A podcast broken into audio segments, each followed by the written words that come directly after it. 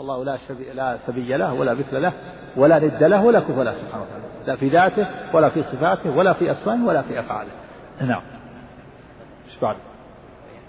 بارك وفق الله جميع طاعته ورزق الله جميع العلم النافع والعمل الصالح. صلى الله على محمد وآله وصحبه أحسن الله إليكم. ما هي غاية قول أهل الأهواء من قولهم أن القرآن مخلوق؟ إيش؟ ما هي غاية قول أهل الأهواء من قولهم إن القرآن مخلوق؟ ما هي, غاية؟ قول أهل الأهواء من. قولهم ما هي؟ ما هي غايتهم إيه. نعم من قولهم إن القرآن مخلوق أو ماذا سيتوصلون إليه من قولهم المعتزلة لما قالوا إن القرآن مخلوق لأنهم شبهته كما هي معروف يقولون إن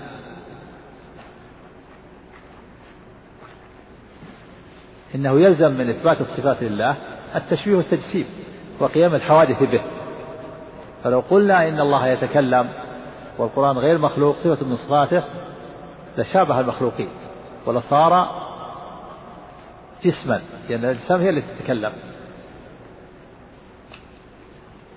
ففرارا من التشبيه والتجسيم وكذلك قالوا لو كان الكلام صفة قائمة بالله لصار الله محلا للحوادث تحدث الكلام في ذاته. هذه غايتهم. غاية شوف لهم شبهة. شبهتهم أنه يلزم من إثبات صفة الله التشبيه والتجسيم وقيام الحوادث به كما سبق. نعم. أحسن الله إليكم. يقول السائل هل يثبت كتاب الحيدة للكناني؟ كتاب الحيدة للإمام عبد العزيز الكناني بعض الناس يقول أنه لا يثبت لكن العلماء نسبوه إليه كشيخ الإسلام ابن تيمية وغيره من أهل العلم وابن القيم وغيره. فالأصل ثبوته هذا يحتاج إلى مراجعة لكن بعضهم ذكر عن عن الذهبي أنه ذكر أنه لا يثبت لكن هذا مشهور. نسبته إلى الكناني مشهور نسبه العلماء إليه. وهذا يحتاج إلى يعني إلى مراجعة.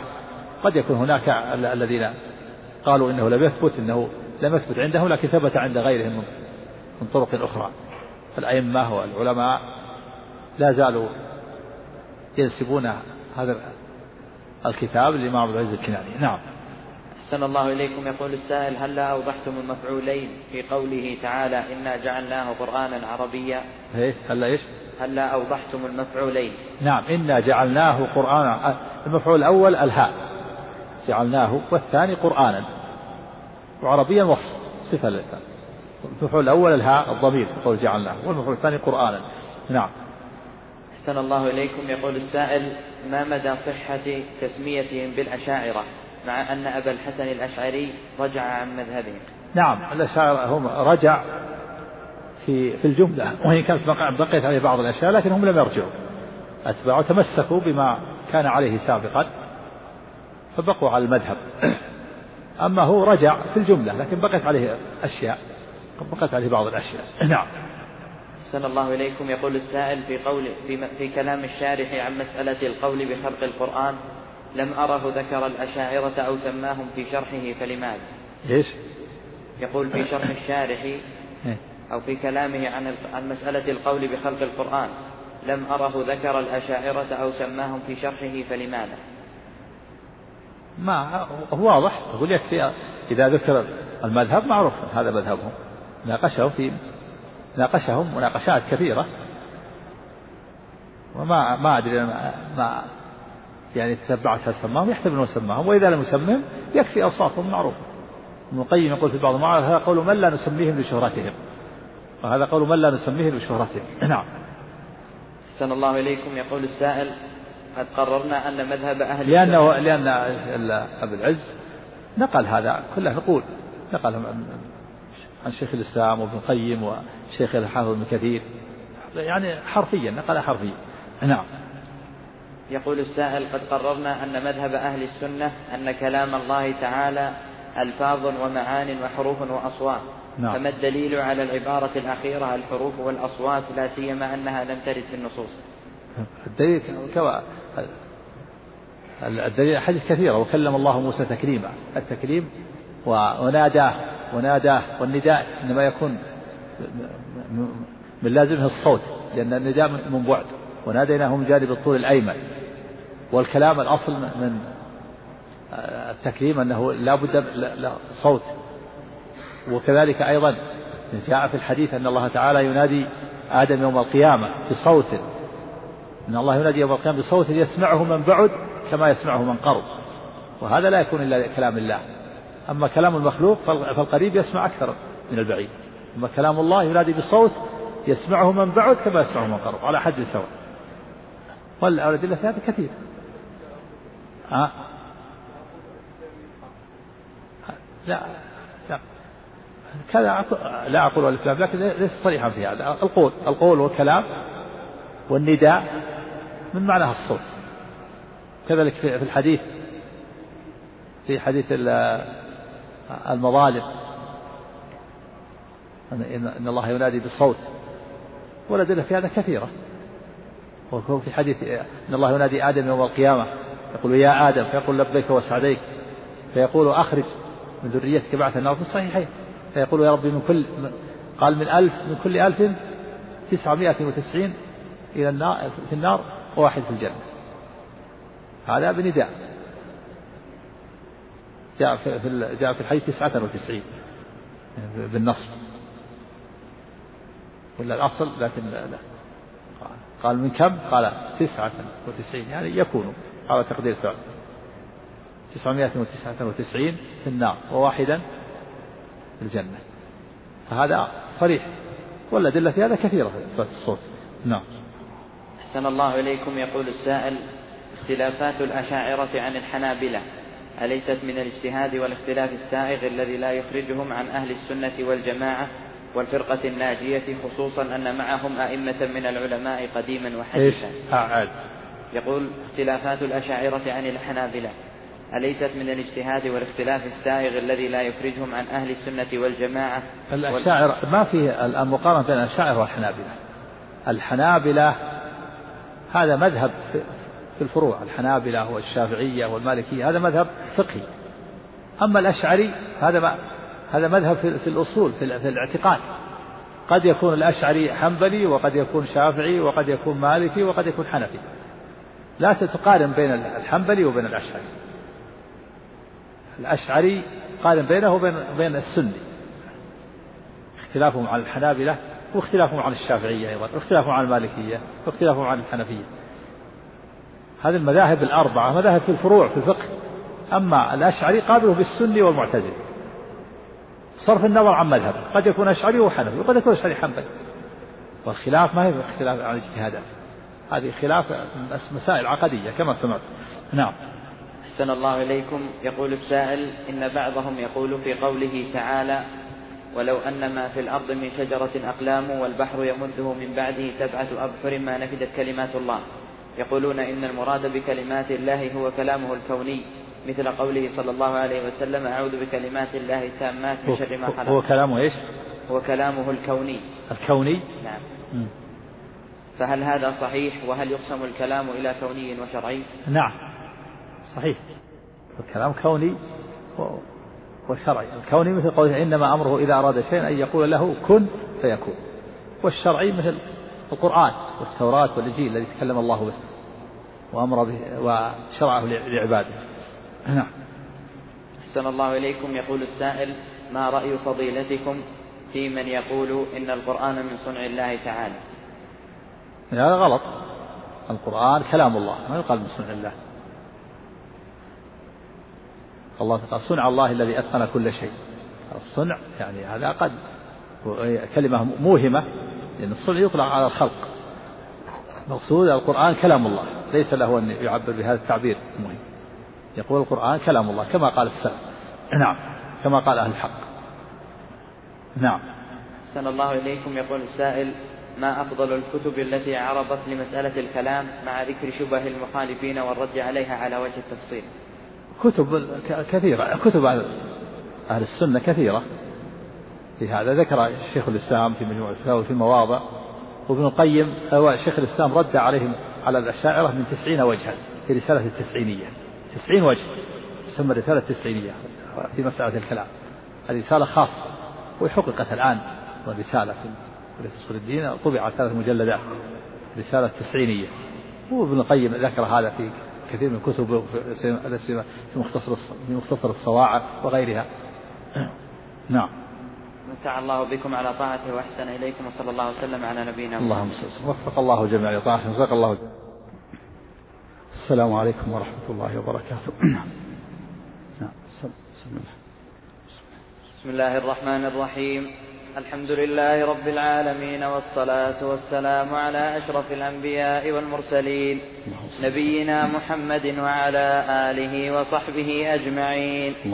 قال الإمام الطحاوي رحمه الله تعالى والرؤية حق لأهل الجنة بغير إحاطة ولا كيفية. بسم الله الرحمن الرحيم. الحمد لله رب العالمين. والصلاة والسلام على نبينا محمد وعلى آله وصحبه أجمعين. أما بعد. قال المؤلف رحمه الله تعالى والرؤية حق لأهل الجنة بغير إحاطة ولا كيفية. بين المؤلف رحمه الله هنا معتقد السنة والجماعة في أن الرؤيا حق لأهل الجنة بغير إحاطة ولا كيفية ولم يذكر الرؤية قبل دخول الجنة. والرؤيا قبل دخول الجنة فيها ثلاث أقوال لأهل العلم. القول الأول أن المؤمنين يرون ربهم في المحشر في الموقف في المحشر قبل دخول الجنة لا يراه إلا مؤمن خاصة. القول الثاني أنه يراه المؤمنون يراه أهل الموقف جميعا مؤمنهم وكافرهم ثم يحتجب عن الكفرة فلا يرونه بعد ذلك. القول الثالث أنه يراه المؤمنون والمنافقون. لما ثبت في الحديث الصحيح في صحيح البخاري في الصحيحين من أن من أن أهل النار من أن الكفر يساقون إلى النار وتبقى هذه الأمة فيها منافقوها وأن الله يتجلى لهم. هذه ثلاث أقوال لأهل العلم لا يراه إلا المؤمنون في محشر يراه أهل الموقف مؤمنهم وكافرهم ثم يحتجب عن الكفرة فلا يرونه بعد ذلك يراه المؤمنون والمنافقون. أما رؤية المؤمن لربهم في الجنة فهذا لا, لا شك فيها خاصة بأهل الجنة بعد الموقف.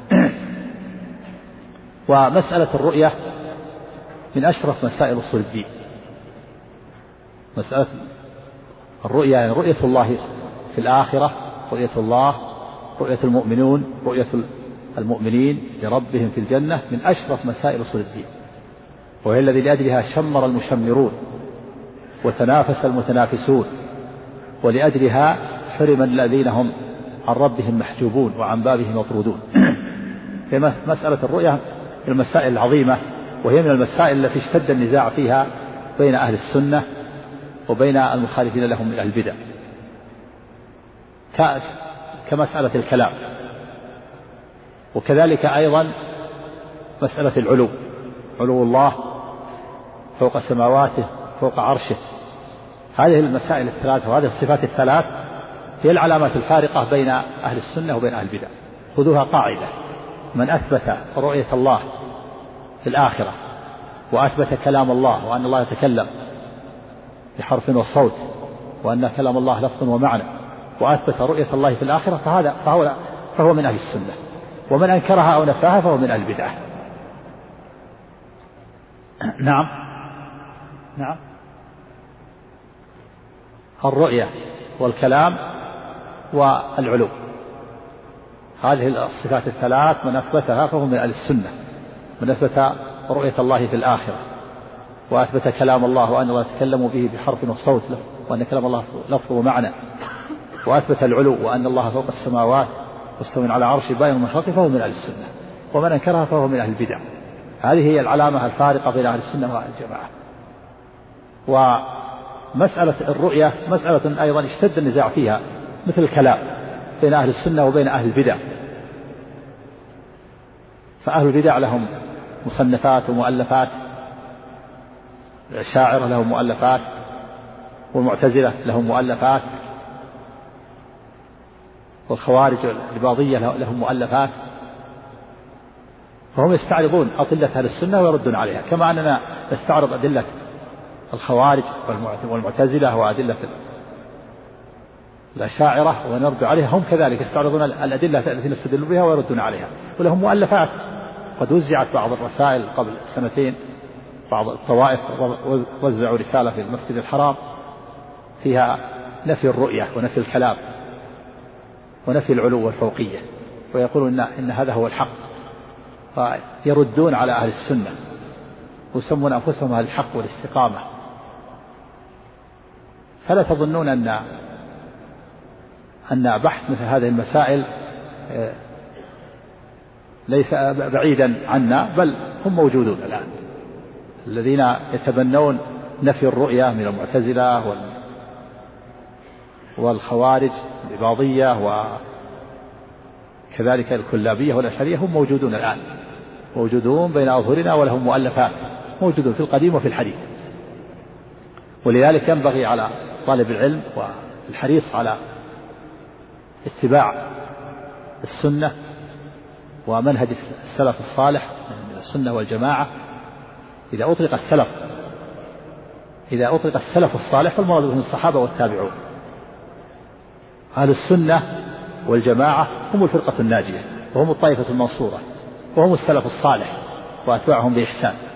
بعض الإخوان يسأل عن عن السلف عن عن السنة أو السلفية. السلفية إذا أطلقت وحدها قد تكون فرقة ينظر هل هي ملتزمة بالسنة أو غير ملتزمة. لكن إذا قيل السلف الصالح السلف الصالح المراد بهم الصحابة والتابعون والتابعون لهم بإحسان. لكن أهل السنة والجماعة هم الفرقة الناجية وهم الطائفة المنصورة. أما إذا قيل السلفية هذه السلفية أو السلف فقط ما من خلف إلا وله سلف. لكن إذا قيد السلف بالسلف الصالح فالمراد من الصحابة والتابعون لهم بإحسان. ولهذا بعض الناس يشكل عليه. بعض الجماعات السلفية وغير السلفية ينظر هل السلفية إذا كانوا ملتزمين إذا كانوا ملتزمين بما عليه السلف الصالح بما عليه الصحابة والتابعون بما عليه أهل السنة والجماعة بما عليه الفرقة الناجية فهم على الحق. لأن النبي صلى الله عليه وسلم بين لما بين الفرق وأن هذه الأمة تفترق على 73 فرقة كلها في النار إلا واحدة قيل من هي رسول الله؟ قال من كان على مثل ما أنا عليه اليوم وأصحابي. هذا هو الميزان. الميزان من كان على ما كان عليه الرسول صلى الله عليه وسلم والصحابة الكرام فهم فهم السلف الصالح وهم أهل السنة والجماعة وهم الفرقة الناجية ومن خالفهم فليس منهم. ولو سمى نفسه بالسلفية أو سمى نفسه باسم آخر. والواجب على الإنسان أن يلزم الحق وأن يبحث عن ما دل عليه كتاب الله وسنة رسوله صلى الله عليه وسلم فيعمل به ويعمل بما قرره أهل السنة والجماعة. من الحق المأخوذ من كتاب الله وسنة رسوله صلى الله عليه وسلم. الرؤية رؤية الله في الآخرة مسألة عظيمة من أشرف مسائل أصول الدين. اختلف الناس في رؤية الله في الآخرة على ثلاثة مذاهب مشهورة. المذهب الأول مذهب أهل السنة والجماعة هم الصحابة والتابعون لهم بإحسان ومن تبعهم من الأئمة. أن الله يرى في الآخرة بالأبصار عيانا مواجهة.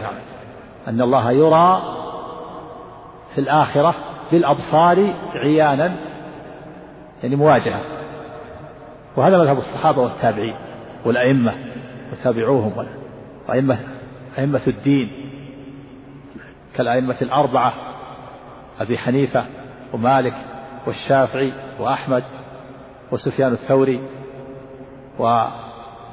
وأبي عمرو الأوزاعي والليث بن سعد والليث بن سعد وأبي يوسف وغيرهم من الأئمة والعلماء. وكذلك أيضا سائر الفقهاء كثير من الفقهاء وأهل الحديث كلهم على هذا الاعتقاد. وكذلك بعض الطوائف التي تنتسب إلى الحديث كالكرامية والسالمية كلهم يثبتون أن الله يرى في الآخرة بالأبصار عيانا مواجهة. فهم يثبتون رؤية الله بالأبصار. ويثبتون أيضا الفوقية وأن الله وأنهم يرون ربهم من فوقهم. فهم يثبتون الأمرين يثبتون الفوقية والعلو ويثبتون الرؤية. المذهب الثاني نفي الرؤية في الآخرة. يقولون الله لا يرى في الآخرة. لا يرى بالأبصار وليس له جهة ولا يرى ولا وليس له مكان. فهم نفوا الرؤية ونفوا الفوقية. وهذا مذهب الجهمية والمعتزلة والخوارج والإمامية. فإن الإمامية لهم قولان جمهور القدماء من الإمامية وهم الرافضة يثبتون الرؤية وجمهور المتأخرين ينفون الرؤية.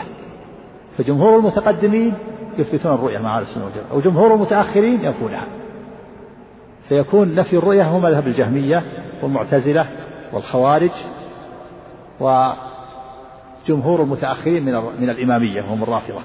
يسمون الإمامية لأنهم يقولون بإمامة اثني عشر. بإمامة اثني عشر إماما. فهم ينفون الأمرين. ينفون الرؤية وينفون الفوقية والعلو. فيقولون إن الله ليس لا لا ليس ليس له مكان فليس فوق المخلوقات بل هو في كل مكان. نسأل الله السلامة والعافية. ويقولون إن الله لا يرى في الآخرة ينفون الأمرين عكس مذهب السنة. أهل السنة يثبتون الأمرين يثبتون الفوقية والعلو والرؤية بالأبصار فهو يرى بالأبصار عيانا يعني في الآخرة. وهؤلاء يقولون لا يرى وليس له مكان ليس فوق ولا ولا يرى. المذهب الثالث مذهب بين بين مذهب أهل السنة وبين مذهب الجهمية. يقولون إن الله يرى لا في جهة. أثبتوا الرؤية ونفوا الفوقية والعلو. فقالوا يرى لا في جهة. وهذا مذهب طائفة من الكلابية والأشاعرة. مذهب الأشاعرة. أثبتوا الرؤية ونفوا الفوقية والعلو. فهم مذبذبون بين بين هؤلاء وبين هؤلاء. فهم أخذوا أثبتوا الرؤية فكانوا مع أهل السنة ونفوا العلو والفوقية فكانوا مع المعتزلة. وتجدون دائما في الغالب أن مذهب الأشاعرة مذبذب بين هؤلاء وبين هؤلاء ولهذا يسمى بعض العلماء خناثة خنثى ذكر لا أنثى ولا ذكر. فهم في مبحث الرؤية كانوا مع أهل السنة في إثبات الرؤية وهم مع المعتزلة في نفي الفوقية والعلو وكذلك في مبحث الكلام كما سبق. يقولون الكلام لفظ ومعنى المعنى حقيقة. كانوا مع أهل السنة في أن المعنى حق وكانوا مع المعتزلة في أن اللفظ مخلوق. فهم بين هؤلاء وبين هؤلاء. فتكون المسألة فيها ثلاث مذاهب أهل السنة يثبتون الرؤية والفوقية. الجهمية والمعتزلة والخوارج وجمهور الإمامية المتأخرين ينفون الرؤية والفوقية. الكلابية والأشاعرة يثبتون الرؤية وينفون الفوقية والعلو. وأهل السنة اعتصموا بالكتاب والسنة واستدلوا بالنصوص. استدلوا بالنصوص الكثيرة من كتاب الله وسنة رسوله صلى الله عليه وسلم. واستدلوا أيضا بالإجماع والعقل. الصريح. فإذا أدلتهم استدلوا بالكتاب واستدلوا بالسنة واستدلوا بالإجماع واستدلوا واستدلوا بالعقل الصريح. وأدلتهم كثيرة لكن من أمثلة من الأمثلة أو من أو من من الأدلة من أدلتهم من من القرآن الكريم قول الله تعالى قول الله تعالى لهم ما يشاءون فيها ولدينا مزيد. لهم ما يشاءون فيها ولدينا مزيد. المؤمنين لهم ما يشاءون فيها عن الجنة. ولدينا مزيد هي رؤية الله في الآخرة. فسرها العلماء بأن المزيد هو رؤية الله في الآخرة. الدليل الثاني قول الله تعالى للذين أحسنوا الحسنى وزيادة. والحسنى المراد بها الجنة والزيادة النظر إلى وجه الله الكريم كما جاء تفسير ذلك في حديث الصهيب الذي رواه الإمام مسلم لأن الزيادة هي النظر إلى وجه الله الكريم. الدليل الثالث من القرآن الكريم قول الله تعالى وجوه يومئذ ناظرة إلى ربها ناظرة.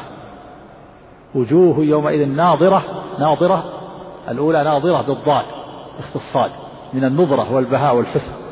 إلى ربها ناظرة الثانية بالضاء اخت من النظر من النظر بالعين. الأولى ناظرة بالضاد من النظرة والبهاء والحسن والثانية ناظرة من النظر وهو النظر بالعين. ووجه الدلالة على من الآية على أن الله يرى في الآخرة أن الله سبحانه وتعالى أضاف النظر إلى الوجه. أن الله أضاف النظر إلى الوجه الذي هو محله. وعداه بأداة إلى الصريحة في نظر العين وأخلاء الكلام من قرينة تدل على خلاف موضوعه وحقيقته فدل على أن المراد النظر بالعين التي في الوجه إلى الرب جل جلاله لأنه أضاف النظر إلى الوجه الذي هو محله وعداه بأداة إلى الصريحة في نظر العين. وأخلى الكلام عن قرينة تدل على خلاف موضوعه وحقيقته فدل على أن المراد النظر بالعين التي في الوجه إلى الرب جل جلاله. وذلك أن النظر له عدة استعمالات بحسب صلاته وتعديته بنفسه. فإذا عدي بنفسه النظر إذا عدي بنفسه فمعناه التوقف والانتظار. كقوله تعالى انظرونا نقتبس من نوركم يعني توقفوا وانتظروا. وإذا عدي بفي فمعناه التفكر والاعتبار كقوله أولم ينظروا في ملكوت السماوات والأرض؟ وإذا عدي بإلى فمعناه المعاينة بالأبصار كقوله انظروا إلى ثمره إذا أثمر وينعه. وهنا إلى ربها ناظرة معناه النظر بالعين. الدليل الرابع قول الله تعالى كلا إنهم عن ربهم يومئذ لمحجوبون. كلا إنهم عن ربهم يومئذ لمحجوبون. وجه الدلالة أن الله سبحانه وتعالى أخبر أن الكفار محجوبون عن الله فلا يرونه فدل على أن أولياءه يرونه. وإلا لو كان المؤمنون لا يرون لا يرون ربهم لتساووا هم والكفار في الحجب. فلما أن حجب الكفرة دل على أن المؤمنين يرون الله ولا يحجبون وبهذا استدل الإمام الشافعي رحمه الله. فقال لما أن حجب هؤلاء في السخط دل على أن أولياءه يرونه في الرضا. هذه أمثلة من الكتاب العزيز على إثبات رؤية المؤمنين لربهم يوم القيامة. وأما السنة فالأحاديث فيها متواترة. رواها من الصحابة نحو ثلاثين صحابيا. هي متواترة في الصحاح والسنن والمساند رواها نحو ثلاثين صحابي صحابيا. ساقها العلامة ابن القيم رحمه الله في كتاب حاد الأرواح إلى بلاد الأفراح. هي متواترة ومن المعلوم أن المتواتر يفيد العلم القطعي فلا يجوز مخالفته. ومع ذلك خالف الجهمية والمعتزلة. هذه النصوص وهي متواترة. من أمثلتها ما ثبت في الصحيحين. عن أبي هريرة رضي الله عنه. أن رسول الله صلى الله عليه وسلم قال أن ناسا قالوا يا رسول الله هل نرى ربنا يوم القيامة؟ فقال عليه الصلاة والسلام هل تضارون في رؤية القمر ليلة البدر؟ قالوا لا يا رسول الله. قال هل تضارون في رؤية الشمس ليس دونها سحاب؟ قالوا لا يا رسول الله. قال فإنكم ترونه كذلك. الدليل الثاني ما ثبت في الصحيحين. من حديث جرير بن عبد الله بن البجلي رضي الله عنه. قال كنا عند رسول الله صلى الله عليه وسلم قال كنا جلوسا عند رسول الله صلى الله عليه وسلم فنظر إلى القمر ليلة البدر. فقال إنكم ترون ربكم كما ترون هذا لا تضامون في رؤيته. الدليل الثالث حديث أبي موسى الأشعري رضي الله عنه عن النبي صلى الله عليه وسلم أنه قال وجنتان من فضة آنيتهما وما فيهما. وجنتان من ذهب آنيتهما وما فيهما. وما بين القوم وبين أن يروا ربهم إلا رداء الكبرياء على وجهه في جنة عدن. رواه الشيخان الدليل الرابع حديث عدي بن حاتم رضي الله عنه وفيه وليلقين الله أحدكم يوم يلقاه وليس بينه وبينه حجاب ولا ترجمان يترجم له. فيقول ألم أبعث إليك رسولا فيبلغك؟ فيقول بلى يا ربي. فيقول ألم أعطك مالا وأفضل عليك؟ فيقول بلى يا ربي. والشاهد الحديث قوله وليس بينه وبينه حجاب. صريح في الرؤية. الدليل الخامس ما ثبت في صحيح مسلم من حديث صهيب الرومي رضي الله عنه أن النبي صلى الله عليه وسلم قال إذا دخل أهل الجنة الجنة نادى مناد يا أهل الجنة إن لكم موعدا عند الله يريد أن ينجزكموه. فيقولون ما هو؟ ألم يبيض وجوهنا؟ ألم يثقل موازيننا؟ ألم يدخلنا الجنة وينجنا من النار؟ ويجدنا من النار؟ قال بلى قال فيكشف الحجاب فينظرون إليه. فما أعطوا شيئا أحب إليهم من النظر إليه وهي الزيادة. رواه الإمام مسلم في صحيحه. هذه أمثلة من النصوص المتواترة وهي كثيرة كما سبق. رواها نحو ثلاثين صحابيا في الصحاح والسنن والمسانيد وهي صريحة في رؤية المؤمنين لربهم يوم القيامة. ولما ساق العلامة ابن القيم رحمه الله هذه النصوص قال بعد ذلك فكأنك تشاهد رسول الله صلى الله عليه وسلم وهو يقول ذلك ويبلغه للأمة ولا شيء أقر لأعينهم منه وشهدت الجهمية والفرعونية والرافضة والقرامطة والباطنية وفروخ الصابئة والمجوس واليونان بكفر من اعتقد ذلك وأنه من أهل التشبيه والتجسيم. وساعدهم على ذلك كل عدو للسنة وأهلها والله ناصر كتابه وسنة رسوله ولو كره الكافرون. يقول إن هؤلاء الجهمية والفرعونية والرافضة وغيرهم شهدوا بأن من أثبت الرؤية شهدوا بكفره قالوا إنه كافر. وقالوا إنه من أهل التشبيه والتجسيم. المعنى أن الجهمية المعتزلة والرافضة وغيرهم يكفرون من أثبت الرؤية. من قال إن الله يرى في الآخرة يقولون كافر. لماذا؟ قالوا لأنه شبه الله بخلقه لأنه مجسم. الذي يرى هو الجسم الذي يكون محدود ومجسم أن يكون محدود وجسم. أما أما الرب فلا يرى لأنه ليس بجسم وليس وليس محدودا ليس له مكان يحصره فليس له مكان ولا يرى هكذا يقولون. فقالوا من أثبت العلو وأن الله له مكان وأثبت الرؤية فهو كافر لأنه مشبه مجسم فإذا هم أهل, أهل أهل البدع يكفرون يكفرون أهل السنة والجماعة. ما موقف نفاة الرؤية من هذه النصوص؟ هل وقفوا مكسوف اليدين؟ هل يقفوا هل وقفوا مكسوفين؟ أو أجابوا عنها؟ أجابوا عن هذه النصوص. من الكتاب والسنة تأولوها وحرفوها. وقالوا على لسان بشر المريسي. المريسي بشر المريسي جهمي معتزل جهمي. قالوا إن المراد بالرؤية في هذه الأحاديث الرؤية القلبية وهي العلم. المراد الرؤية القلبية وهي العلم. فمعنى قول النبي صلى الله عليه وسلم ترون ربكم كما ترون القمر تعلمون أن لكم ربا كما تعلمون أن أن أن هذا القمر قمر. قالوا المراد العلم. تعلمون ترون ربكم كما ترون القمر لا تضامون في رؤيته. قالوا المعنى تعلمون ربكم لا تمتليكم فيه الشكوك والريب كما تعلمون في القمر أنه قمر. وليس المراد الرؤية بالأبصار. لكن أنتم أيها المشبهة يعنون أهل السنة توهمتم أن المراد الرؤية بالأبصار.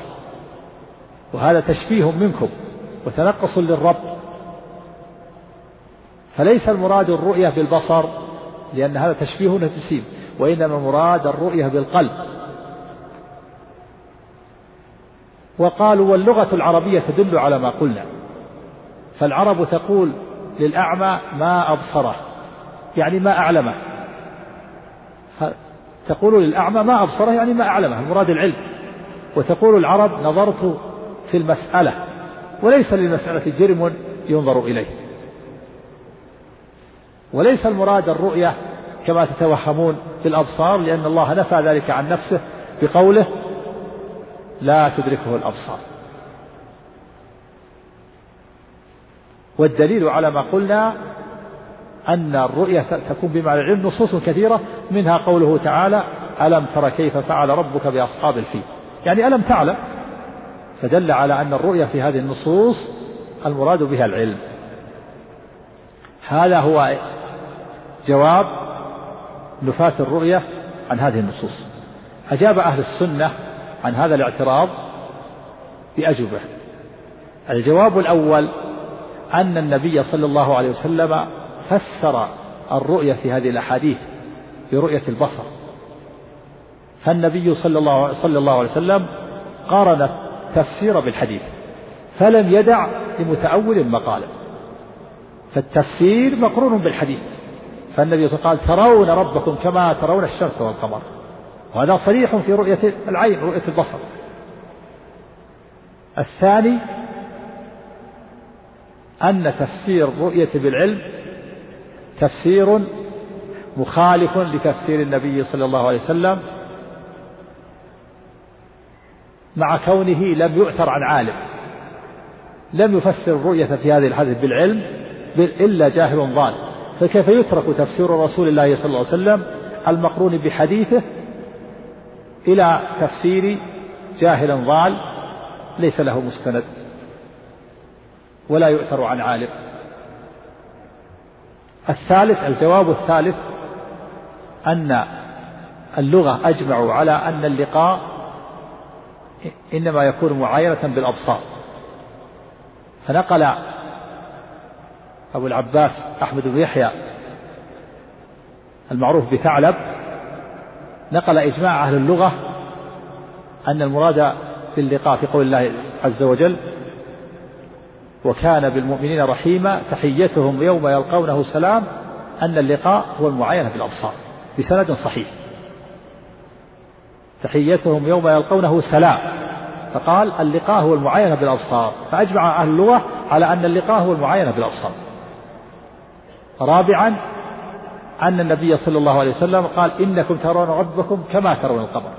فأدخل كاف التشبيه على ما المصدرية الموصولة بترون التي تؤول مع صلتها بالمصدر وهو الرؤية. فيكون المعنى إنكم ترون ربكم كرؤية الشمس والقمر. وهذا ومعلوم أننا نرى الشمس والقمر بأبصارنا من فوقنا. فيجب أن تكون رؤية الله كذلك بالأبصار من فوق. الخامس أننا لا ننكر أن الرؤية لها معاني متعددة. تكون الرؤية تكون بالبصر وتكون الرؤية بالقلب وتكون الرؤية رؤية الحلم رؤية بالحلم. كقول النبي صلى الله عليه وسلم في الحديث الصحيح رأيت ربي في أحسن صورة. يعني في النوم. فالرؤية تكون بالبصر وتكون الرؤية بالقلب بالعلم وتكون الرؤية رؤية الحلم في النوم. ولكن لا بد من قرينة تبين المعنى المراد. لا بد من قرينة تبين المراد. وأي قرينة فوق هذه القرينة فوق قوله صلى الله عليه وسلم إنكم ترون ربكم كما ترون الشمس صحوا ليس دونها سحاب. فهل هذا مما يتعلق برؤية البصر أو مما يتعلق برؤية القلب؟ وهل يخفى هذا على صاحب على ذي البصيرة؟ السادس أو السابع؟ السادس أن تفسير الرؤية بالعلم تفسير مخالف لتفسير النبي صلى الله عليه وسلم ومخالف للغة ويترتب عليه فساد المعنى مع ما فيه من المعاندة لرسول الله صلى الله عليه وسلم. فإن تفسيركم أيها النفاة للرؤية بالعلم تقولون إنكم ترون ربكم كما ترون القمر أي تعلمون أن لكم ربا لا تشكون في ربوبيته كما لا تشكون في القمر أنه قمر. هذا الشك زائل عن عن المؤمنين وعن الكفار يوم القيامة. لأن لأنه في موقف القيامة كل يعلم ربه حتى الكفرة حتى النفاة حتى من أنكروا وجود الله إذا كان يوم القيامة علموا بربهم وتيقنوا ربهم. فالشك في الربوبية زائل عن جميع أهل الموقف مؤمنهم وكافرهم. والنبي صلى الله عليه وسلم خص المؤمنين بالرؤية وبشرهم ما قيمة هذه البشرى؟ وما فائدة هذا التخصيص؟ إذا كان المراد بالرؤية العلم لأن العلم حاصل لجميع أهل الموقف مؤمنهم وكافرهم كلهم إذا وقفوا يوم القيامة عرفوا ربهم وعلموا ربهم ولا يشكون فيه. فما قيمة تخصيص المؤمنين بالرؤية؟ ما قيمة بشرى النبي صلى الله عليه وسلم للمؤمنين بأنهم يرون ربهم يوم القيامة؟ ما فائدة تخصيص المؤمنين بالرؤية؟ فتفسير الرؤية بالعلم في هذه الأحاديث مع كونه مخالفا للغة يفسد فيه المعنى. يدل على يفسد فيه المعنى ولا يكون للحديث للحديث معنى سليم. مع ما فيه من المعاندة لرسول الله صلى الله عليه وسلم. قال النفاة للرؤية. لما أجيبوا بهذه الأجوبة قالوا ألجأنا إلى نفي الرفاة ألجأنا إلى نفي الرؤية إلى نفي رؤية الله في الآخرة حكم العقل. حكم العقل بأن رؤيته تعالى محال لا يتصور وجودها. هذا هو الذي ألجأنا. الذي ألجأنا إلى أن نفينا رؤية الله في الآخرة حكم العقل. بأن رؤية الله تعالى محال لا يتصور إمكانها. لأنهم يرون كما سيأتي في أدلتهم أن الله ليس بجسم ولا داخل العالم ولا خارجه وما كان كذلك لا تمكن رؤيته.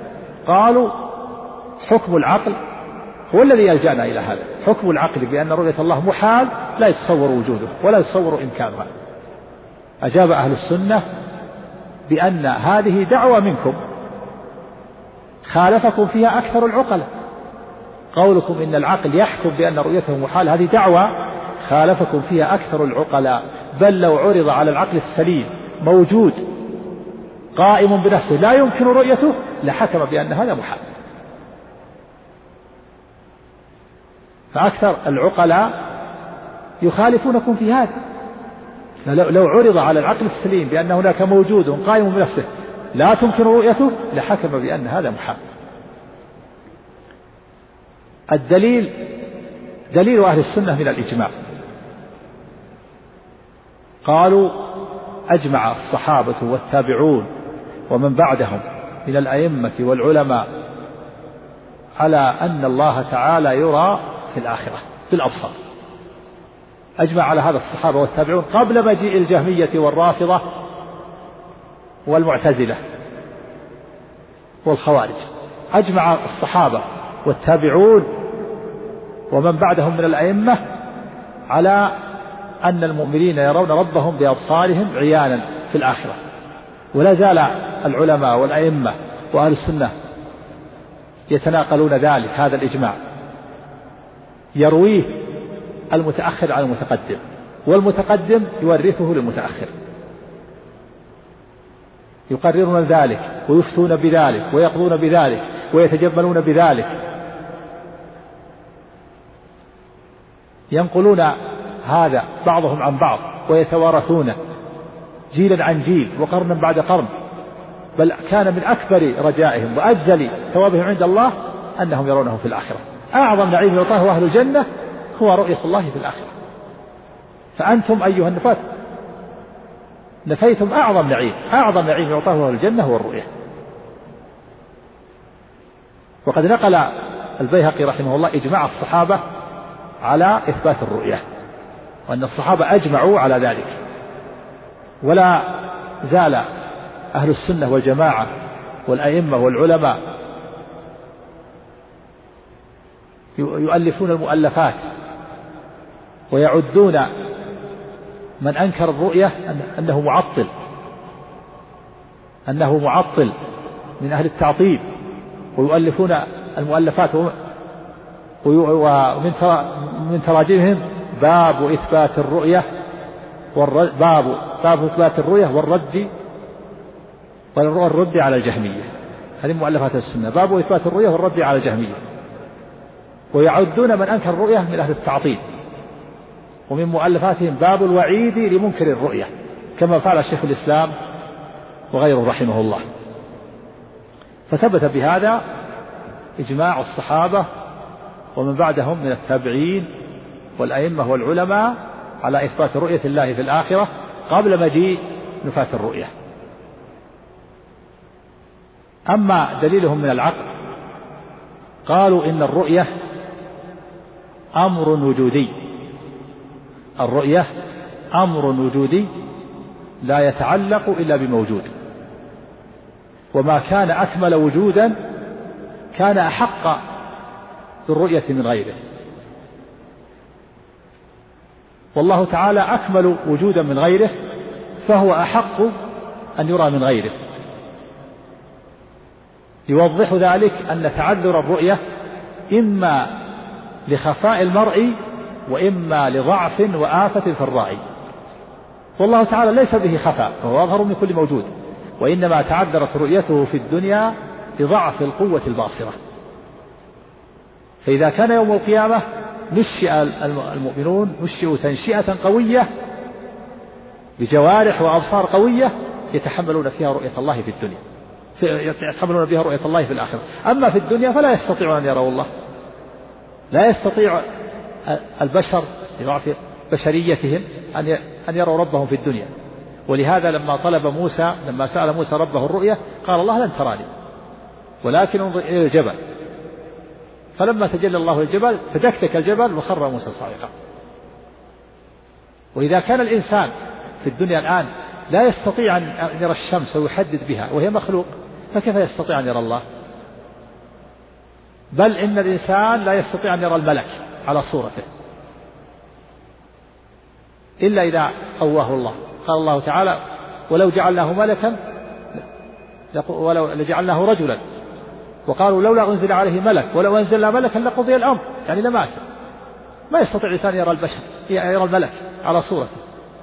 والنبي صلى الله عليه وسلم لما رأى جبريل على صورته رعب رعبا شديدا. وذهب إلى زوجه وقال دثروني دثروني وقواه الله.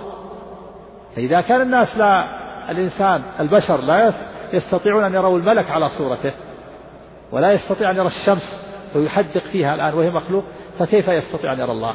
في الدنيا ما يستطيع البشر أن يروا الله. لكن في الآخرة ينشئهم الله تنشئة قوية ينشؤون تنشئة قوية بأجسام قوية وأبصار قوية يتحملون فيها رؤية الله عز وجل. هذه أدلة أهل السنة من الكتاب والسنة والإجماع والعقل على إثبات رؤية المؤمنين لربهم في الآخرة يوم القيامة. أما الكلابية والأشاعرة.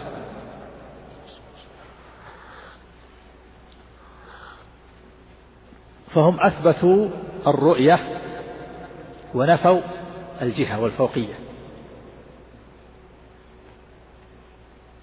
فهم نفوا أثبتوا الرؤية ونفوا الجهة والفوقية.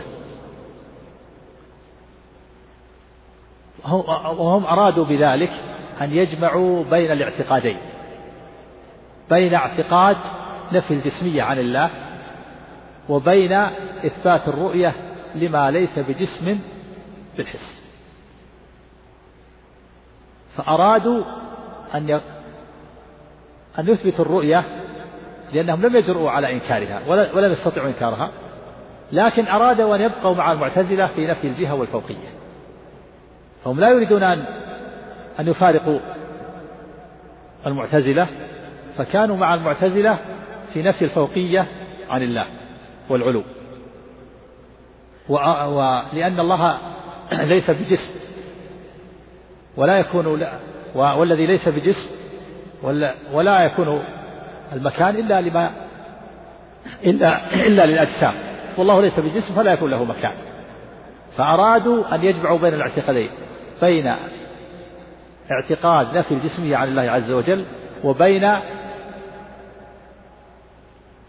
إثبات الرؤية لما ليس بجسم بالحس. فأرادوا أن يكونوا مع أهل السنة في إثبات الرؤية وأن يكونوا مع المعتزلة في نفي الجهة والفوقية فعجزوا عن ذلك. فعجزوا عن ذلك فلجأوا إلى حجج سوفسطائية وهي الحجج المموهة التي توهم أنها حجة وليست بحجة لأن الحجج أقسام. هناك حجج يقينية تفيد اليقين. حجة الحجة أقسام. هناك حجة تفيد اليقين وهناك حجة دون اليقين وهناك حجة موهمة مرائية وهي التي توهم أنها حجة أنها حجة وليست بحجة. هذه كحجة الأشاعرة. كما أن الناس أقسام. من الناس من هو فاضل تام الفضيلة ومن الناس من هو دون ذلك في الفضل ومن الناس من هو مرائي يوهم أنه فاضل وليس بفاضل. فلما عجزوا عن ذلك قالوا نثبت الرؤية وننفي الجهة والفوقية. فقالوا إن الله يرى لا في جهة. أين يرى؟ من فوق؟ قالوا لا. من تحت؟ قالوا لا.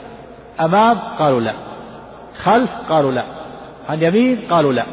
عن شمال؟ قالوا لا. أين يرى؟ قالوا لا في جهة. يرى لا في جهة. هذا مذهب الأشاعرة. أثبتوا الرؤية ونفوا الجهة والفوقية. مناقشة. ناقشهم أهل السنة.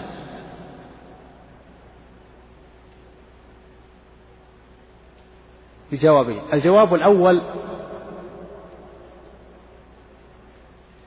وهو أن يقال إنكم أيها الأشاعرة أيها الكلابية والأشاعرة انفردتم بهذا القول عن طوائف بني آدم. قلتم قولا انفردتم به عن طوائف بني آدم وخرجتم به عن ضرورات العقل. فإنه في بدائه العقول أن كل مرئي لا بد أن يكون مواجها للرائي مباينا له. لا يمكن أن يكون هناك مرئي قائم أن يكون هناك مرئي أن يكون هناك مرئي قائم بنفسه إلا بجهة من الرأي لا بد أن يكون مباينا للرأي مواجها له. أما أن يوجد مرئي ليس في جهة فهذا لا يعقل. ولهذا ضحك جمهور العقلاء من الكلابية والأشعرية حينما أثبتوا الرؤية ونفوا الجهة. قالوا هذا لا يمكن ولا يتصور. خرجتم بذلك عن ضرورات العقول. خرجتم بذلك عما عما هو معروف في بدائه العقول. لا بد للرؤية من جهة. لا بد أن يكون المرئي مواجها للرأي مباينا له. أما أن يكون هناك مرئي ليس له جهة فهذا لا يعقل ولا يتصور. ولهذا أنكر على الكلابية والأشاعرة جميع طواف بني آدم. وضحكوا من إثباتهم الرؤية وإنكارهم الجهة. قالوا هذا لا يمكن ولا يتصور ولا يعقل. فإنه يلزم من الرؤية أن يكون الرائي المرئي بجهة من الرأي. ولهذا تسلط عليهم المعتزلة. وقالوا أنتم الآن وقعتم في الفخ. كيف تثبتون الرؤية ولا ولا ولا ولا تثبتون الجهة؟ لا بد أن تثبتوا الجهة والفوقية فتكونوا أعداء لنا مع المشبهة مع السنة. أو تنفوا الرؤية فتكونوا أصحاب تكونوا معنا. أما أن تبقوا مذبذبين تثبتون الرؤية وتنكرون الجهة والفوقية فهذا غير معقول وغير متصور ولا يمكن.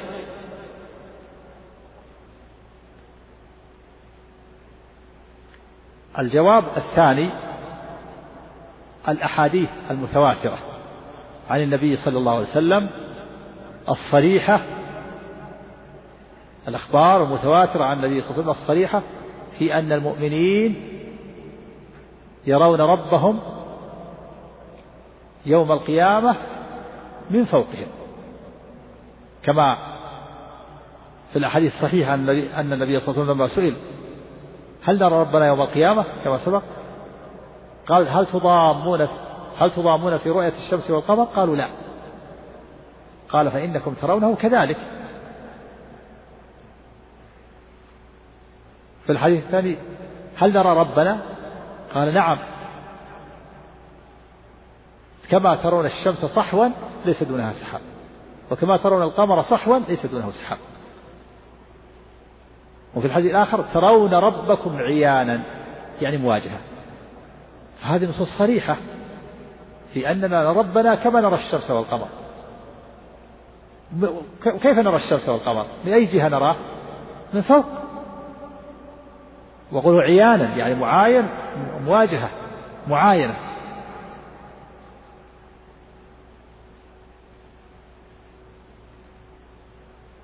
فالأحاديث صريحة في هذا. وليس المراد من الحديث تشبيه تشبيه الله بالقمر والشمس تعالى الله بل المراد تشبيه الرؤية بالرؤية. والمعنى أننا رب أننا نرى ربنا يوم القيامة رؤية واضحة لا لبس فيها من فوقنا كما أننا نرى الشمس والقمر رؤية واضحة لا لبس فيها من فوقنا. فهو تشبيه للرؤية بالرؤية وليس تشبيها للمرء بالمرء. ليس المراد تشبيه الله بالشمس والقمر فالله ليس له مثيل. ليس كمثله شيء سبحانه. هل تعلم له سبيلا بل المراد تشبيه الرؤية بالرؤية. وبطل بهذا دعوى الكلابية والأشاعرة في أنه يمكن أن تكون هناك رؤية بلا جهة. لما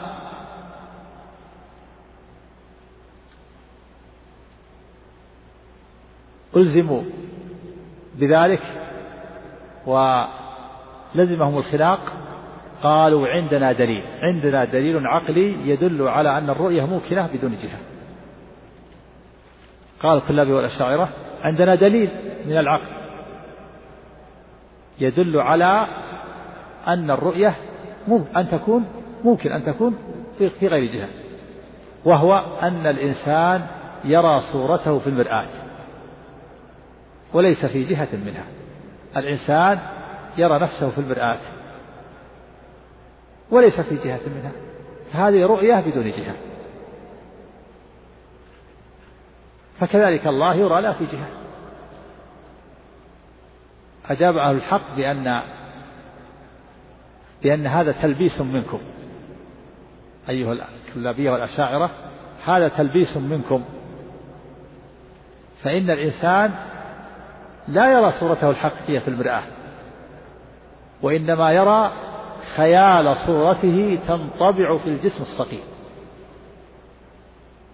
يرى لا يرى صورته الحقيقية وإنما يرى خيال صورته تنطبع في الجسم الصقيل وهو أيضا في جهة منها أمامه يراه أمامه.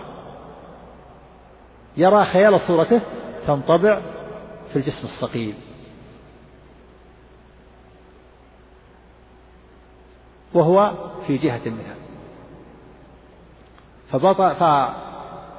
فتبين بهذا أن هذا الدليل العقلي الذي زعموه لا قيمة له. وبطل بهذا هذا المذهب وهو أنه يلزم الجهمي الكلابية والأشاعرة أن يثبتوا الجهة والعلو حتى يكونوا من أهل السنة. أو ينفوا الرؤية فيكونوا كالمعتزلة. وأنه لا يمكن لهم البقاء على هذا المذهب. ومع ذلك فهم أقرب إلى الحق من المعتزلة. لأن من أثبت شيئا من الحق فهو أقرب ولو كان متناقض. هم متناقضون ولكن مع ذلك هم أقرب إلى الحق من المعتزلة النفاة لأنهم أثبتوا الرؤية وهي حق وإن كان يلزمهم أن يثبتوا الفوقية والعلو لكن مع ذلك هم أقرب إلى الحق من ال... من نفاة الرؤية. أما نفاة الرؤية من الجهمية والمعتزلة ومن تبعهم من الخوارج والإمامية. فإن لهم شبه عقلية ولهم شبه شرعية. أخشى أن يطول بنا المقام لعلنا نقتصر على هذا. ونؤجل استعراض شبه النفاة للغد إن شاء الله. ونسأل الله الجميع العلم النافع والعمل الصالح. وصلى الله على محمد وآله وصحبه. قبل أن أنسى مر سؤال فيما سبق. قديم النوع حادث الآحاد.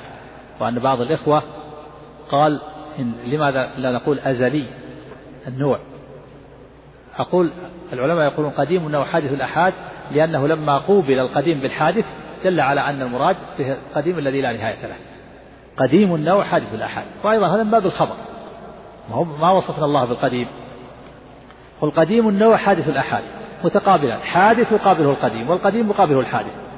فلما قيل حادث الآحاد دل على أن القديم ليس حادث ليس له نهاية. فهو يفيد معنى الأزل.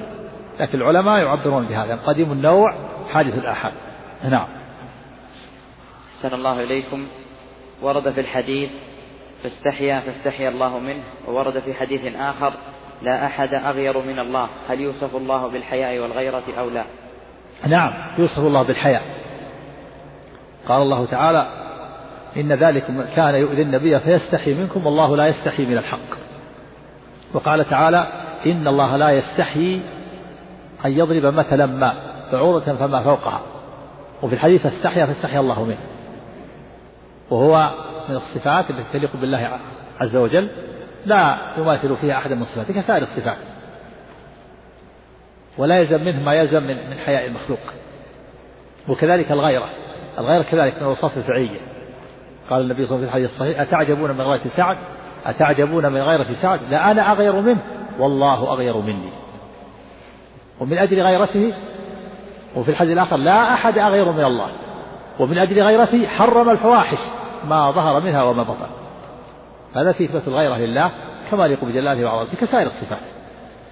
يوصف الله بالغيرة كسائر الصفات مثل سائر الصفات الفعلية مثل الغضب والرضا والسخط والمحبة والكراهة والغيرة والحياء كلها صفات تليق بجلاله وعظمته. وهي صفات كاملة ليس فيها نقص. لا يماثل فيها أحدا من خلقه سبحانه وتعالى. نعم. أحسن الله إليكم. هل يصح التسمي بعبد المنعم وعبد المحسن وعبد الناصر؟ إذا ثبت أنه اسم من أسماء الهجر عبد المحسن ثابت ولا زال العلماء وأئمة الدعوة يعبدون له. عبد المنعم وكذلك المنعم. ما أذكر الآن الحديث اللي ورد فيه لكن يغلب على ظنه ثابت. والناصر جاء في والله هو خير الناصرين. هي يحتاج إلى تأمل. هل هو من أسماء الله أو ليس من أسماء الله؟ نعم. سن الله إليكم. ما الفرق بين الاعتقاد واليقين؟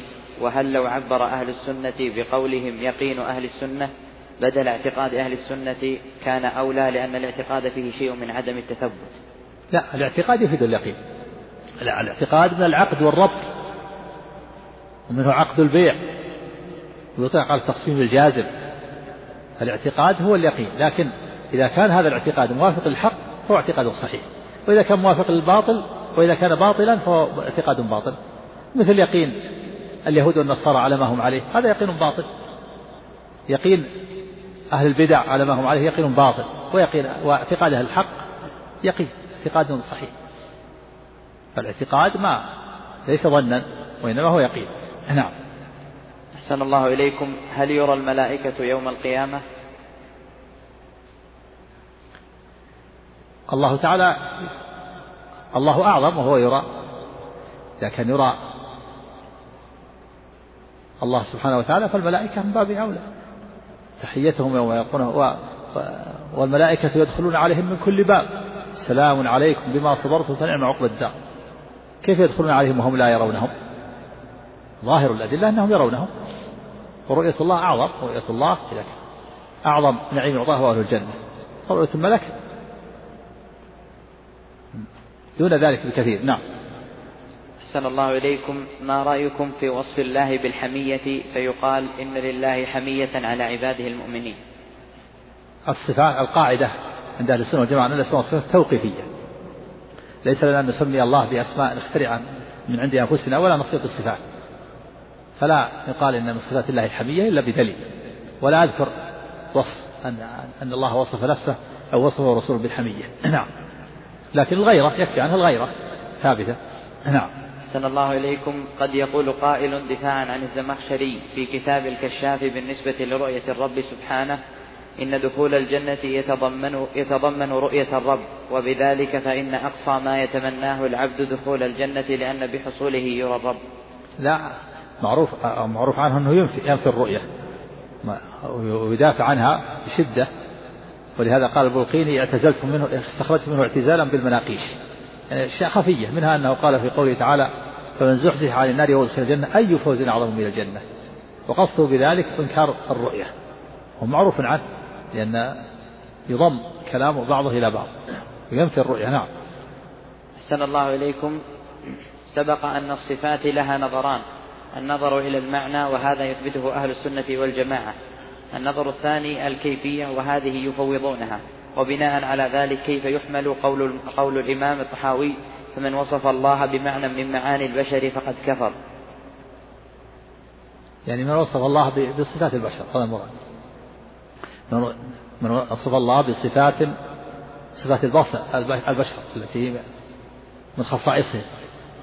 لأن قال إن الله أن صفات الله كصفات البشر وأن الله كالبشر أو قال إن الله كالبشر إن الله كالبشر في الحاجة أو في غير ذلك معنى من من خصائص البشر الفقر والحاجة والنقص في صفاتهم وأعمالهم فمن قال إن الله مثلهم كفر إن الله كامل في ذاته وصفاته ولا ولا يوصف بنقائص البشر. نعم. أحسن الله إليكم في سؤال له آخر يقول أليس ما قررناه سابقا وهو وصف الله بالصفات الثابتة؟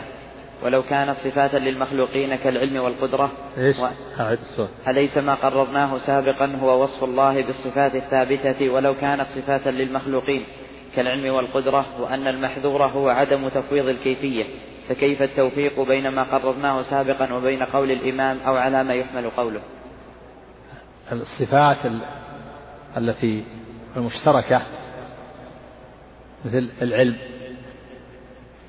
ثابت للخالق وللمخلوق. لكن من دون مشابه من دون مماثلة.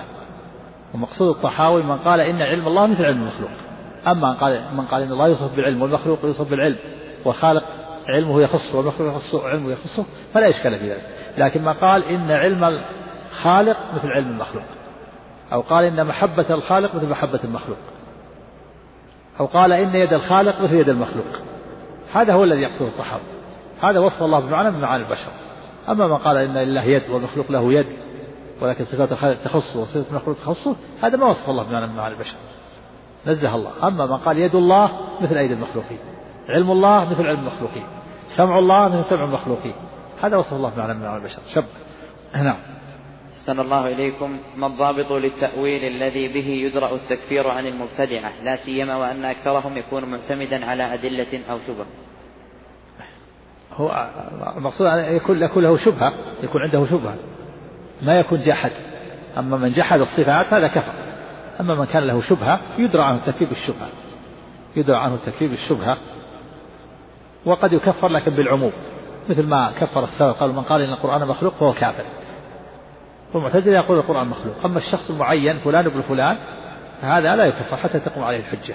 يبين له ويوضح له الحق ثم يتبين له ويصر يحكم يحكم بكفره بعد ذلك.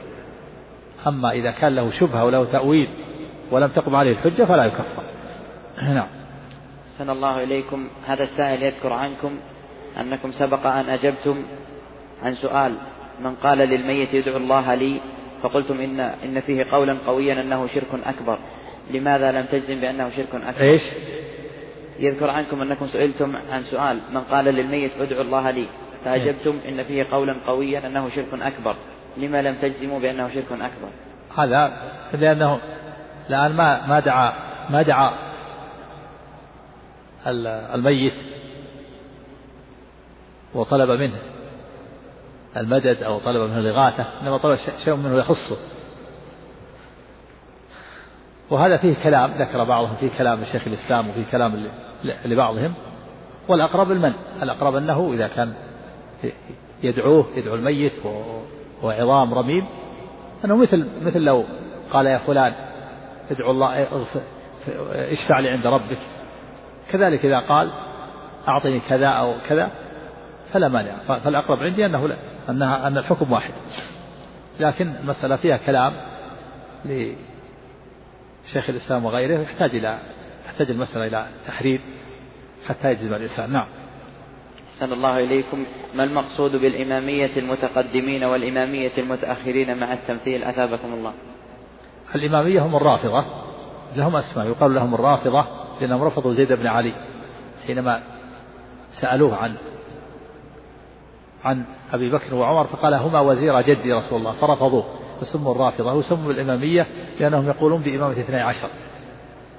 يقولون هناك اثني عشر أئمة منصوصين معصومين من سلالة علي بن أبي طالب وهم علي بن أبي طالب ثم الحسن بن علي ثم الحسين بن علي ثم علي بن حسين زين العابدين ثم محمد بن علي الباقر ثم جعفر بن محمد الصادق ثم موسى بن جعفر الكاظم ثم علي بن موسى الرضا ثم محمد بن علي الجواد ثم علي بن محمد الهادي ثم الحسن بن علي العسكري ثم محمد بن الحسن المهدي المنتظر الذي دخل سرداب سامرة في العراق سنة ستين ومائتين ولم يخرج إلى الآن. قال شيخ الإسلام أنه مضى عليه 400 سنة ونحن نقول مضى عليه في زمننا الآن 1200 سنة ولم يخرج. هذه الأئمة يسموا الإمامية لأنهم يقول بإمامة 12 فالمتقدمون منهم يثبتون الرؤية جمهورهم والمتأخرون ينفونها. نعم. سن الله إليكم. هلا أوضحتم الفرق بين ابن عربي وابن العربي الأشبيلي لما في ذلك من اللبس؟ نعم ابن عربي محمد بن يحيى بن عربي بدون ال الطائي هذا رئيس وحدة الوجود. أما أبو بكر بن العربي وكذلك آخر محمد بن العربي بالآل فليس من محمد أبو بكر بن العربي هذا المفسر المعروف العالم المشهور هذا غير. أما ابن محمد بن يحيى بن عربي بدون ال. هذا هو رئيس وحدة الوجود. واقرأوا تراجم هؤلاء وتراجم أما ابن العربي بأل هذا ليس هذا غير هذا. فيه ابن العربي هذا. أبو بكر بن العربي صاحب التفسير وفي غيره أيضا ابن العربي آخر. لكن وهذا متقدم العربي في القرن السادس تقريبا أو السابع. يسمى لقبه محي الدين محي الدين ابن عربي يسمى بعضه مميت الدين. هذا رئيس وحدة الوجود. أما ابن العربي بأل فليس. هذا آخر. هذا مفسر معروف. نعم. أحسن الله إليكم. هل ثبت عن أحد من السلف أنه رأى الله في المنام كما ذكرت ذلك بعض الكتب وما مدى صحته؟ نعم ذكر شيخ الإسلام ابن تيمية أن رؤية الله في المنام ثابتة وأن وأن جميع الطوائف أثبتوا الرؤية في المنام إلا الجهمية من شدة إنكارهم لرؤية الله حتى أنكر رؤية الله في المنام. ويقول شيخ الإسلام رحمه الله أن جميع الطوائف يثبتون الرؤية في المنام ولا شيء في ذلك لكن لا يلزم من ذلك أن يكون ما رآه الإنسان يعني مشابه لله. بل يقول إن رؤيته على حسب اعتقاده. إذا كان اعتقاده صحيح رأى الله في رؤية حسنة. وإذا كان اعتقاده غير صحيح رأى, الله رؤية مناسبة لاعتقاده. ولما كان النبي صلى الله عليه وسلم أصح الناس اعتقادا وأكبر الناس عودا له رأى ربه في أحسن الصورة. كما في الحديث رأيت ربي في أحسن الصورة. فوضع كفيه وقال يا محمد أتدري ما يختصم الناس؟ حديث اختصام الملأ الأعلى. فقلت لا يا ربي. فوضع يده بين كتفي حتى وجدت برد أنامله فعلمت ما بعد ذلك. المقصود أن هذا أن الرؤية في المنام يقول شيخ ثابتة. جميع عند جميع الطوائف ما عدا الجهمية. نعم. أحسن الله إليكم ما الضابط الذي يفرق به بين الأسماء والصفات الواردة في الكتاب والسنة؟ الأسماء ما ورد إطلاقه على الله فهو اسم العليم الحكيم السميع البصير. أما الصفة ما ورد على نفس الصفة. لتعلموا أن الله على كل شيء قدير وأن الله قد أحاط بكل شيء علما. والعلم هذه الصفة. فما ورد على نفس الصفة يكون صفة. وما ورد إطلاقه على على الله فهو اسم. إن الله عليم حكيم. ألم تعلم أن الله على كل شيء قدير؟ إن ربك عليم حكيم. إنه هو الغفور الرحيم. إنه كان حليما غفورا. هذه أسماء كلها أسماء أطلقت على الله. أما الصفة مثل وأن الله قد أحاط بكل شيء علما. وعنده مفاتح الغيب لا يعلمها إلا هو. وهكذا. فالاسم يطلق ما يريد إطلاقا على الله عز وجل والصفة ما ما ما ورد على لفظ الصفة. ولكن الأسماء ليست جامدة أسماء الله متضمنة للصفات. أسماء الله مشتقة ليست جامدة. كل اسم يتضمن صفة. فالعليم يتضمن صفة العلم. القدير يتضمن صفة القدرة. الحليم يتضمن صفة الحلم. الرحيم الرحمن يتضمن صفة الرحمة. الله يتضمن صفة الألوهية. وهكذا. كل اسم يتضمن الصفة ليس مشتقا. الحي صفة الحياة. لا ليس جامدا بل هو مشتق. الحي صفة الحياة وهكذا. نعم. أحسن الله إليكم. هل يرى شيخ الإسلام تفضيل صالحي البشر على الملائكة مطلقا أم في الحياة الآخرة؟ شيخ الإسلام رحمه الله قال إن هذه مسألة تفضيل الملائكة على صالح البشر كان شارح الطحاوية يقول في شرحه أن هذه المسألة من فضول الكلام وأنها آه، لا لا ثمرة لها. ولولا أني رأيت بعض الناس يسيء الأدب مع الملائكة ويقول أنهم خدام بني آدم لما حركت بذلك قلما والشيخ الإسلام رحمه الله يقول كنت أظن أن هذه المسألة من مسألة فضولية فتبين لي أنها مسألة أثرية سلفية صحابية. فاتجهت الهمة إلى تحقيق القول. حقق القول بأن بأن الملائكة الأنبياء والصالحين أفضل لكن عند آه، دخولهم الجنة عندما تكمل أحوالهم. عند دخولهم الجنة يكون أفضل. يعني بعد بعد ما يطهرون من الذنوب والمعاصي بالتوبة وبغيرها و آه، يلقون ربهم عز وجل في ثاني الحال يكون أكمل. وقد يكون في أول الحال قد تفضلهم الملائكة لكن في نهاية أمرهم وفي ثاني حالهم يكون الأفضل نعم. صلى الله إليكم ومتع بكم على طاعته صلى الله عليه وسلم على نبينا محمد. وفق الله جميع لطاعته وزق الله جميع من النافع وعلى الصلاة صلى الله عليه وسلم. بسم الله الرحمن الرحيم. الحمد لله رب العالمين. والصلاة والسلام على أشرف الأنبياء والمرسلين نبينا محمد وعلى آله وصحبه أجمعين. أما بعد فإن مسألة الرؤية مسألة عظيمة من أشرف مسائل أصول الدين كما سبق ومن المسائل التي اشتد النزاع فيها بين أهل السنة وبين المخالفين لهم من أهل البدع. وسبق البارحة أن سقنا أدلة أهل السنة والجماعة الذين يثبتون رؤية المؤمنين لربهم في الآخرة. وأما النفاة الذين ينفون رؤية الله في الآخرة من الجهمية والمعتزلة ومن تبعهم من الخوارج والإمامية فلهم شبه شبه عقلية وشبه شرعية والمراد بالشبه الأدلة. لكن إذا كان المستدل غير محق تسمى شبه شبه عقلية وشبه شرعية. والأصل الذي آه، قادهم إلى هذا هو اعتمادهم على العقل. العقل هو الأساس عند المعتزلة عند النفاة. بلاؤهم إنما جاءهم من تقديم العقل على النقل. الاعتماد على العقل وجعل العقل أساس. فهم اعتمدوا على عقولهم وتركوا كتاب الله وراءهم ظهريا فلما اعتمدوا على العقل أول النصوص التي تدل على إثبات الرؤية. لأنهم اعتمدوا على عقولهم. فلما كان العقل هو الأساس وهو الأصل عند النفاة حرفوا لأجله النصوص من كتاب الله تعالى وسنة رسوله صلى الله عليه وسلم حتى يوافق عقولهم. فمن شبه نفاة الرؤية العقلية. الدليل العقلي أولا هو أنهم قالوا إنه يلزم من إثبات رحمك الله هو أنه يلزم من إثبات رؤية الله أن يكون الله في جهة ويلزم من كونه في جهة أن يكون جسما وأن يكون محدودا ومتحيزا. والله ليس في جهة وليس جسما وليس محدودا ولا متحيزا. فالرؤية منتفية لانتفاء لازمها وهو الجهة.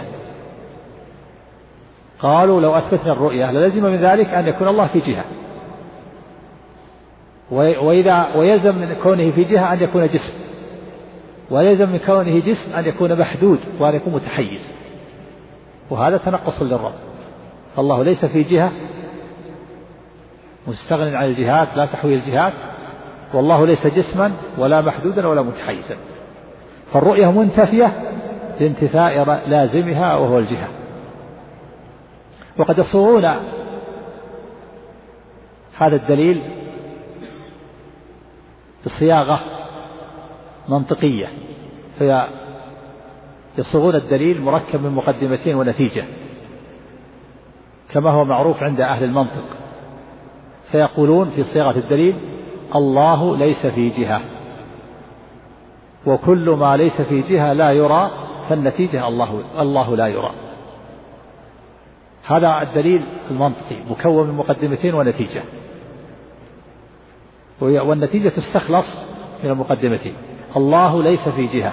هذا المقدمة الأولى مكونة من مبتدأ وخبر. المقدمة الثانية كل ما ليس في جهة لا يرى. النتيجة تؤخذ من المقدمتين وهو أنك تحذف مبتدأ الجملة الأولى وخبر الجملة الثانية فتخرج النتيجة الله لا يرى. وأنت إذا سلمت لهم المقدمتين ألزمك بالنتيجة. فيقول الله ليس في جهة إذا سلمت ثم يأتون بالمقدمة وكل ما ليس في جهة لا يرى سلمت ألزمك بالنتيجة أن الله لا يرى لكن الطريقة في هذا أنك تعارض المقدمة الأولى فلا تسلم بها أو تعارض المقدمة الثانية فلا أو تعارض كلا المقدمتين حتى تبطل النتيجة. والجواب عن هذه الشبهة أولا أن أن يقال ما قولكم بالجهة؟ تقولون إنه يلزم من إثبات رؤية الله أن يكون الله في جهة. ما مرادكم بالجهة؟ هل مرادكم بالجهة أمر وجود أمر وجودي أو أمر عدمي؟ هل مرادكم بالجهة أمر مخلوق أو أمر عدمي؟ ومن المعلوم أنه ليس هناك في هذا العالم إلا الخالق والمخلوق. فإن أردتم بالجهة أمر وجودي يعني أمر مخلوق فالله منزه عن أن يكون في جهة بهذا المعنى فليس في شيء من مخلوقاته. وهو سبحانه لا. لم يدخل في ذاته شيء من مخلوقاته ولا في مخلوقاته شيء من ذاته. فهو بائن عن مخلوقاته سبحانه وتعالى. فإن أردتم بالجهة جهة وجودية مخلوقة تحويه وتحصره وتحيط به إحاطة الظرف بالمظروف فالله منزه عن الجهة بهذا المعنى. لأن الله ليس في جهة من خلقه وليس في شيء من خلقه ولا يحويه شيء من خلقه ولا يحصره شيء من خلقه سبحانه وتعالى. بل هو أعظم وأعلى وأجل. وهو متميز عن خلقه منفصل بائن عنهم سبحانه وتعالى. فالله ليس في جهة بهذا المعنى. وإن أردتم بالجهة أمر عدمي. أمر عدمي غير مخلوق أمر عدمي وهو ما فوق العرش. لأن هذه المخلوقات سقف عرش الرحمن. ما فوق العرش ليس هناك أحد إلا الله سبحانه وتعالى. فإن أردتم بالجهة أمر عدمي وهو ما فوق العرش فإن نفكم الجهة بهذا المعنى باطل فنقول الله في جهة يعني في في العلو بعد أن تنتهي المخلوقات التي سقف عرش الرحمن الله في العلو فوق العرش. فإذا لابد من التفصيل. فإن أردتم بالجهة أمر مخلوق فالله ليس في جهة. وإن أردتم بالجهة أمر عدمي وهو ما فوق العرش فالله في جهة. وعلى هذا فقولكم الله ليس في جهة المقدمة الأولى إن أردتم بالجهة أمر عدمي فنقول المقدمة الأولى باطلة. قولكم الله ليس في جهة إن أريد بالجهة أمر عدمي نقول هذه المقدمة باطلة ولا دليل على إثباتها بل نقول الله في جهة في هذا المعنى. لأن الجهة أمر عدمي والمعنى أن الله في العلو فوق العرش. وإن أردتم بالجهة أمر وجودي بطلت المقدمة التالية وهو قولكم كل ما ليس في جهة لا يرى. كل ما ليس في جهة لا يرى. لأنه لا يلزم أن يكون كل مرئي في جهة مخلوقة. فإن سطح العالم يمكن أن يرى وليس العالم في عالم آخر. كل ما ليس في جهة لا يرى يعني كل ما ليس في شيء مخلوق لا يرى هذا باطل. لأن سطح العالم يمكن أن يرى وليس العالم في عالم آخر وإلا لزم التسلسل. يكون العالم في عالم والعالم في عالم إلى ما لا نهاية. وإذا بطلت المقدمتين أو بطلت إحداهما بطلت النتيجة وهو قولكم الله لا يرى. هذا هو الدليل الأول العقلي. الدليل الثاني لنفاة الرؤية لله عز وجل. قالوا الله ليس بجسم ولا هو داخل العالم ولا خارجه. وما كان كذلك لا تمكن رؤيته. يقولون الله ليس بجسم ولا داخل العالم ولا خارجه. وما كان كذلك لا تمكن رؤيته. وأجيب عن هذا الدليل العقلي بأجوبة. الجواب الأول أن إثبات أن إثبات ما يكون ما لا يكون داخل العالم ولا خارجه أمر لا يمكن الإحساس به. والحكم الفطري يحيل إثبات موجود إثبات شيء أو أمر لا يمكن الإحساس به. أن إثبات ما لا يكون داخل العالم ولا خارجه لا يمكن الإحساس به. والحكم الفطري يحيل وجود ما لا يمكن الإحساس به. الجواب الثاني سلمنا. سلمنا وجود أمر أو شيء لا يمكن الإحساس به. فوجود ما يمكن الإحساس به أولى سلمنا وجود أمر. سلمنا تسليم هذا جدل. سلمنا من جهة لنرد من جهة أخرى. سلمنا وجود أمر لا يمكن الإحساس به فوجود ما يمكن الإحساس به أولى فمن أثبت موجودا فوق العالم ليس بجسم يمكن الإحساس به كان قوله أقرب إلى العقل من من أثبت موجودا لا يمكن الإحساس به وليس داخل العالم ولا خارجه. الجواب الثالث أن رؤية ما ليس بجسم ولا ولا في جهة. أن رؤية ما ليس بجسم ولا في جهة. إما أن يجوزه العقل وإما أن يمنعه. فإن جوزه فلا كلام. وإن منعه كان منع العقل لإثبات موجود لا داخل العالم ولا خارجه أشد وأشد. الجواب الرابع أن رؤية الباري تعالى إما أن تكون ممكنة وإما أن لا تكون ممكنة. فإن كانت ممكنة بطل قولكم بإثبات موجود لا يمكن الإحساس به. وهو ما يكون وهو ما يكون داخل لا داخل العالم ولا خارجه. وإن قلتم رؤيته غير ممكنة قيل لكم فحينئذ هو غير محسوس فلا يقبل فيه حكم الوهم. إن قلتم رؤيته غير ممكنة قيل لكم هو غير محسوس.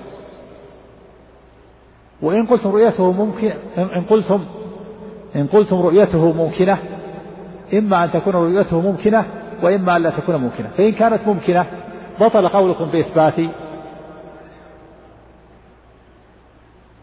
بطل قولكم بإثبات موجود غير محسوس. وهو ما لا يكون داخل العالم ولا خارجه. وإن قلتم غير ممكنة فحين قيل لكم فحينئذ هو غير محسوس فلا يقبل فيه حكم الوهم. فلا يقبل فيه حكم الوهم. فثبت أن رؤية النبي أن رؤية الله سبحانه وتعالى مناسبة له وليست كالرؤية المعهودة للأجسام. هذه الأدلة العقلية يقارع فيها الخصم بالأدلة التي يعتقدها. دليل بدليل دليل عقلي يرد عليه برد عقلي. أما أدلتهم الشرعية وشبههم الشرعية فاستدلوا بأدلة. الدليل الأول استدلوا بقول الله تعالى ولما جاء موسى لميقاتنا وكلمه ربه قال رب أرني أنظر إليك قال لن تراني ولكن انظر إلى الجبل. فإن استقر مكانه فسوف تراني. فلما تجلى ربه للجبل جعله دكا وخر موسى صعقا. فلما أفاق قال سبحانك تبت إليك وأنا أول المؤمنين. وجه الاستدلال قالوا وجه الاستدلال أن الله نفى رؤية موسى له بلن فقال لن تراني ولن تقتضي النفي المؤبد. فدل على أن الله لا يرى في الآخرة. وجه الدلالة أن الله نفى رؤية موسى له بلن ولن تقتضي النفي المؤبد فدل على أن الله لا يرى في الآخرة.